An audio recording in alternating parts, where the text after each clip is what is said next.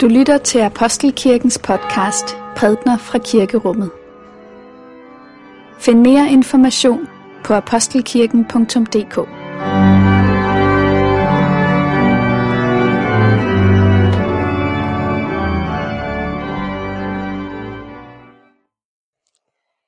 Godmorgen og velmødt til gudstjeneste. Det er i dag anden søndag i advent. Temaet for gudstjenesten er op med hovedet, og det henviser til Jesu ord i dagens evangelietekst, som er beretningen om endens tid og Herrens komme, hvor han siger, når I ser alt det, der sker, skal I løfte jeres hoveder.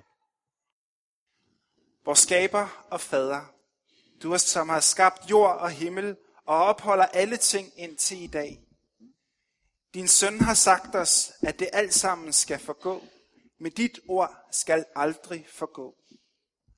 Når din søn kommer igen for at dømme levende og døde, lad så din hellige ånd holde os fast ved dit ord.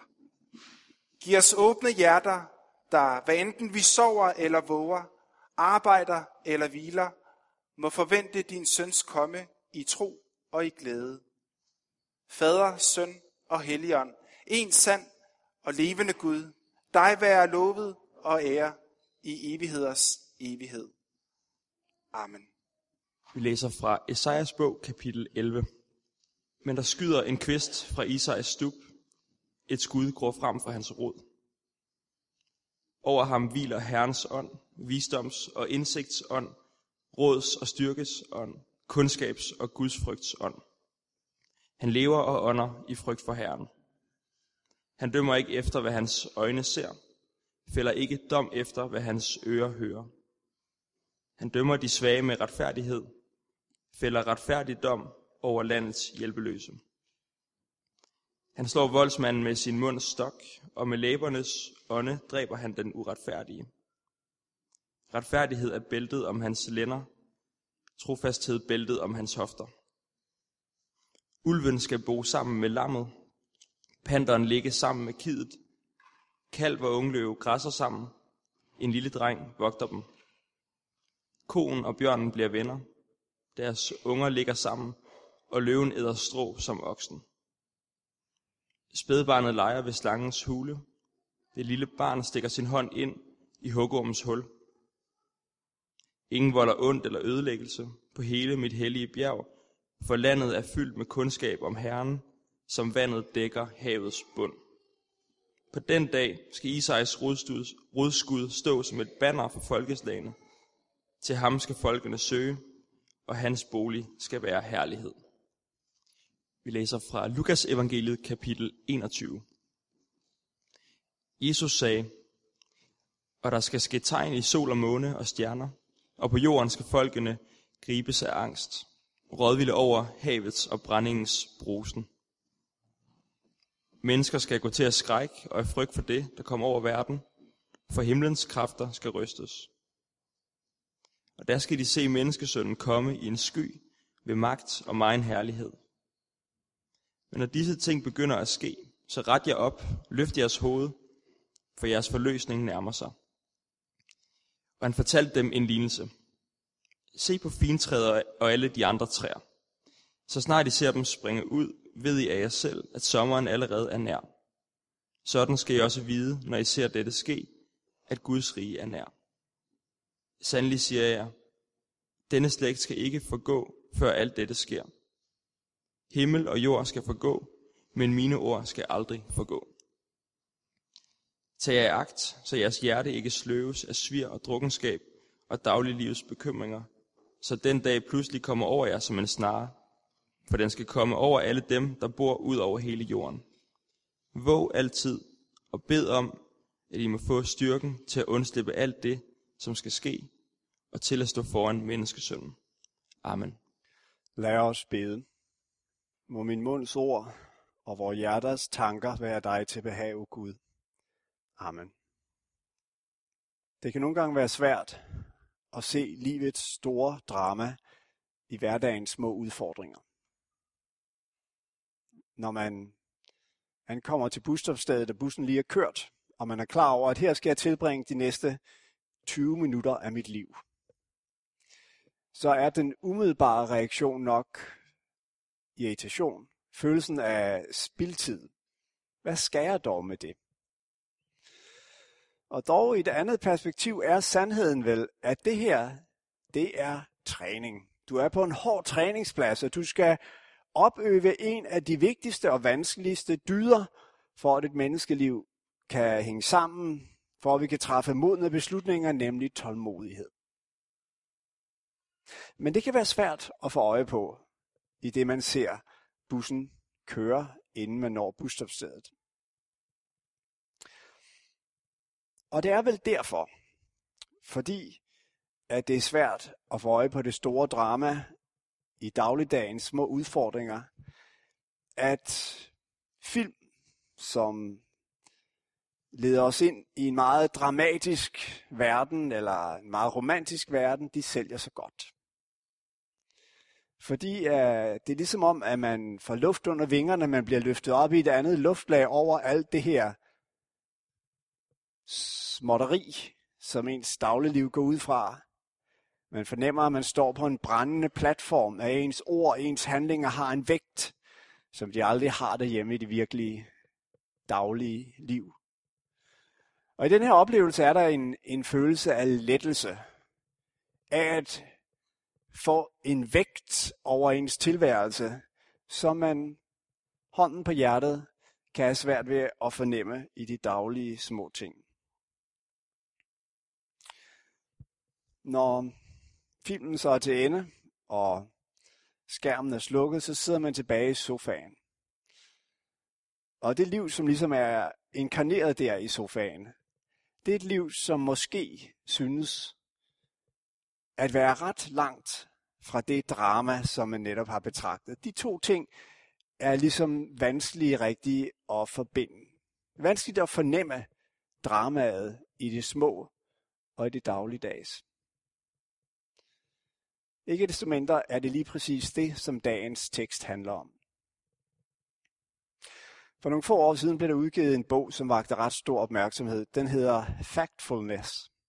Den er skrevet af en svensk videnskabsmand, statistiker tror jeg oprindeligt han er, der hedder Svend Rusling. Og den øh, pointen er ganske enkelt at sige, at verden er et langt bedre sted, end vi har drømt om. Og så gennemgår han med en fantastisk stor bredde af viden de enkelte punkter. Altså, gennemsnitslevealderen er vokset drastisk over de senere årtier. Adgangen til sundhedssystemer, adgangen til uddannelse, også for de mindre privilegerede klasser, rundt omkring i hele verden, er vokset fantastisk over de senere årtier. Øhm, den ekstreme fattigdom på kloden vil måske være udryddet om 20 år. Altså alle de paradigmer, som man ligesom måler, hvad skal man sige, udviklingen på, de er faktisk lykkedes formidabelt godt. Vi er en del af en, af en udvikling, der har ført den her verden til et stadium, som den aldrig har været i nærheden af før. Nå, så stiller han sig det spørgsmål. Jamen, øhm, hvordan kan det så være, at vi alligevel alle sammen går rundt og har en fornemmelse af, at vi er på vej mod undergang? På vej ud over kanten? At der forestår et eller andet dyb øh, krise? Jo, siger han, det er ganske enkelt. Det er fordi vores hjerne fungerer sådan.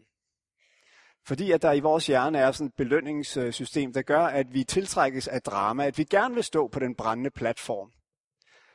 Og derfor så har vi en hang til de historier, der ligesom beskriver øh, undergang og øh, fordærv og, og, og ligesom giver vores liv den her følelse af, hvad skal man sige, urgency, af at der er en katastrofe, der lurer lige om hjørnet. Et andet eksempel er verdens bedste nyheder, den her kampagne, eller det er vel ikke bare en kampagne, det er en, det er en organisation, der spreder gode nyheder. Man ser dem for eksempel i S-togene på de små skærme. Der er to-tre nyheder hver uge, der handler om, hvor godt det går i en del af verden. Sidst handlede det om, hvordan elefanterne i chat ligesom er på vej tilbage. Små, men væsentlige ting, der viser, at vi er på vej et godt sted hen, at udviklingen går den rigtige vej osv. Nå. Så har vi dagens tekst foran os. Og det er jo en rigtig, øh, hvad skal man sige, undergangstekst. Den taler om, hvordan øh, mennesker de skal gribe sig angst over havets og bølgernes brusen. Den taler om, at alting går mod et stort ragnarok. Og hvordan skal vi forholde os til det her, og så forbinde det med den verden, som vi er en del af? Jo, for det første, så skal vi jo altså virkelig øve os i at glæde os over de fremskridt, der er. Vi skal glæde os over hvert lille skridt i den her verden, der er med til at gøre den en lille smule mere i retning af det, som den er intenderet at skulle være. Et godt sted for menneskene. Et godt sted for hele skabningen, også for dyrene, for naturen og for klimaet. Vi skal øve os i at glæde os over det hjertet. Vi skal ikke bare høre det og så sige, ja ja, men vent og se. Og vi skal investere vores egne ressourcer så godt som vi kan i den udvikling. Men samtidig, så kan jeg i hvert fald ikke dele den fremtidsversion, der siger, at vi når det gode og harmoniske samfund af den udviklingsvej, som vi befinder os på nu. Og det skyldes, at jeg tror ikke, det samfund det opstår, når drivkraften for udviklingen i sidste ende er den enkelte trang til at komme frem, viljen til magt og øh, trangen til at gøre sig gældende i verden.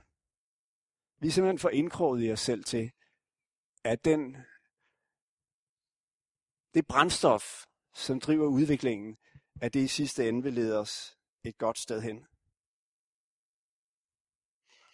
Og vores bi- vigtigste bidrag til den verden, vi er i, det er i virkeligheden ikke at, at skubbe på udviklingen, bidrag til økonomien og, og alt det her. Vores vigtigste bidrag, det er at blive opmærksom på de mennesker, vi er iblandt. At elske vores næste som os selv. At elske Gud af hele vores hjerte. Dagens tekst beskriver på en måde en, en, øh, et endepunkt, en kulmination af den store historie, som Bibelen fortæller. Det er en historie om, hvordan mennesket satte sig selv i centrum. At det ikke vil se sig selv som skabning, men at det selv vil være skaberen af sig selv, af verden omkring sig. Øhm, det er en historie, som har ført menneskeheden spændende, store, forunderlige steder hen.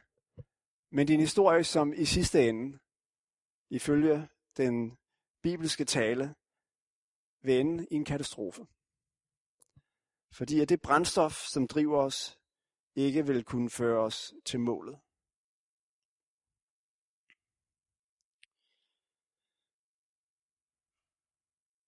Men Bibelen fortæller også en anden historie. Og det er historien om, at der er vundet en sejr. At vores indelukkethed er brudt. At Kristus har brudt ind i vores verden. At han har sat os fri. Og han kalder os til at leve sammen med ham i, i kærlighed og omsorg for hinanden. Det er historien om, at Ragnarok ikke bliver det sidste, men det sidste bliver, at hver knæ skal bøje sig, og hver tunge skal bekende, Jesus Kristus er Herre til Gud Faders ære. Men teksten beskriver ikke bare den her overordnede vision for hele menneskehedens udvikling. Det den gør, det er, at den knytter, hvad skal man sige, tanken om verdens ende sammen med vores hverdag. Og hvordan gør den så det? Jo, det gør den ved at opfordre os i slutningen af det, vi læste, til at vores hjerter ikke skal sløves, og til at våge og bede. Det er to meget interessante udtryk, det her. Ja, se til, at jeres hjerter ikke sløves af svir og drukkenskab og dagliglivets bekymringer, så at den dag kommer pludseligt over jer. Altså, der er altså en risiko for, at vores hjerter bliver sløve, så det ikke rigtig opfanger den øh, virkelighed, sandheden om den verden, vi befinder, sig i, befinder os i. Og for at undgå, at vi bliver fanget af den sløvhed, så må vi leve i en form for åndelig disciplin. Der er nogle ting, vi skal afstå fra. Der er nogle ting, vi skal vælge at prioritere. Og der nævnes to ting her. Det ene, det er druk og svir. Det andet, det er dagligdagens bekymringer. To ret forskellige ting. To forskellige strategier, kan man sige. Altså, det her med druk og svir, det handler jo om det, vi med dansk udgave kalder at slå sig løs. Meget sigende udtryk, ligesom en ko, der er øh, øh, bundet fast til en pæl.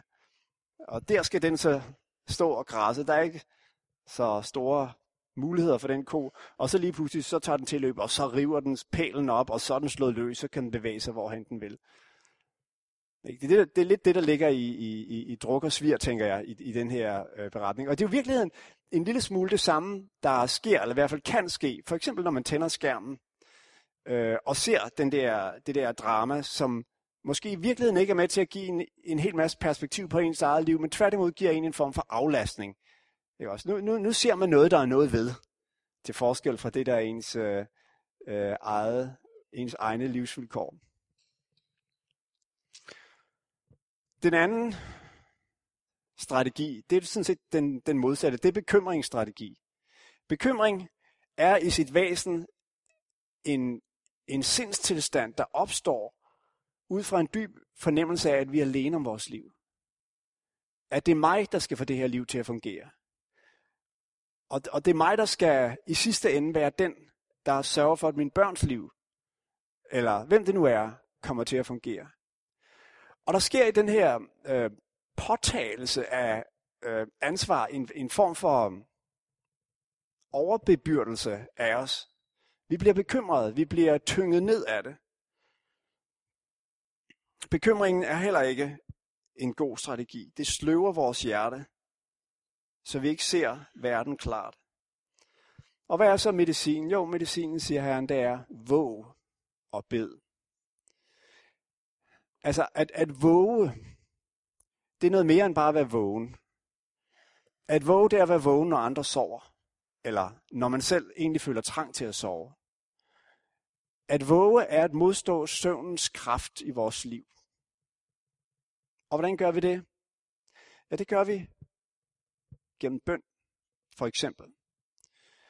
Altså, der findes en, øh, en, en, en, en åndelig disciplin, som egentlig er ganske, ganske enkel og alligevel svær. Og den hedder at have en stilletid i løbet af sin hverdag.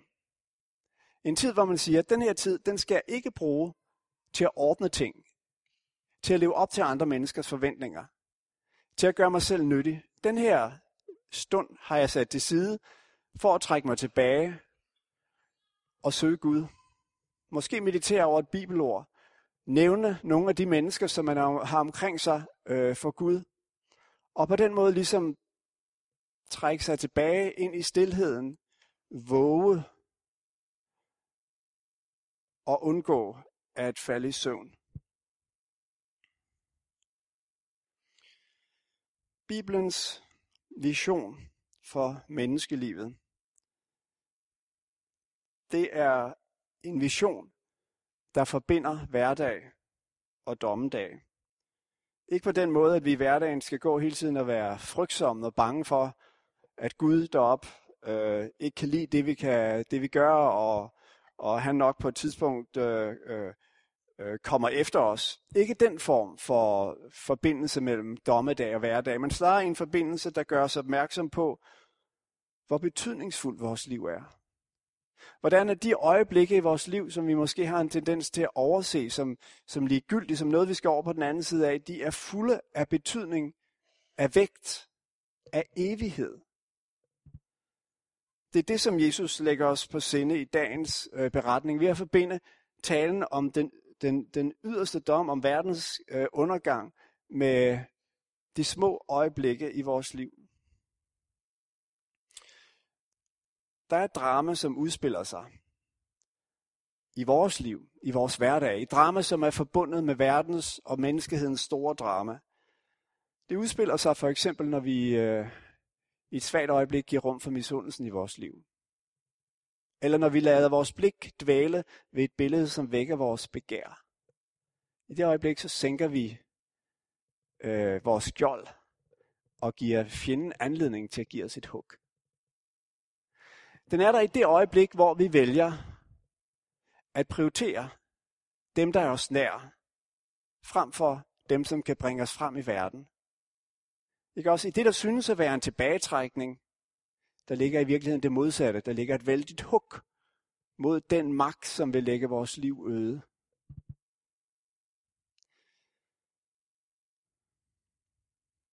Så når vi står ved et busstop, og bussen lige er kørt for os, og vi er klar over, at nu skal vi bruge 20 minutter her, så er vi midt i en åndelig øvelse, der placerer os centralt hele den, i hele den kosmiske kamp, som Bibelen beskriver den verden, vi er en del af. Den bus er ikke kommet for sent. Den kommer præcis, når den skal komme. Og du er præcis, hvor du skal være. Og den tid, som ligger foran dig, indtil bussen ankommer, er den tid, hvor du er i træning, hvor du skal øve dig i at løfte hovedet, tage imod det, som er livets vilkår, og øve dig i det, som er øh, vores store åndelige opgave, nemlig at give os over til Gud og være til stede for de mennesker, som vi er sat iblandt. På den måde udrustes vi til at tage del i den kamp, som Bibelen forkynder os, at vi er en del af.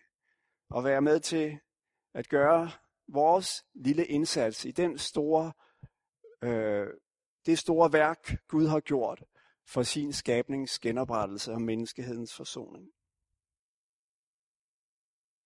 Lov og tak og evig ære være dig, vor Gud, Fader, Søn og Helligånd. Du som var og er og bliver en sand treenig Gud, højlovet fra første begyndelse, nu og i al evighed. Amen.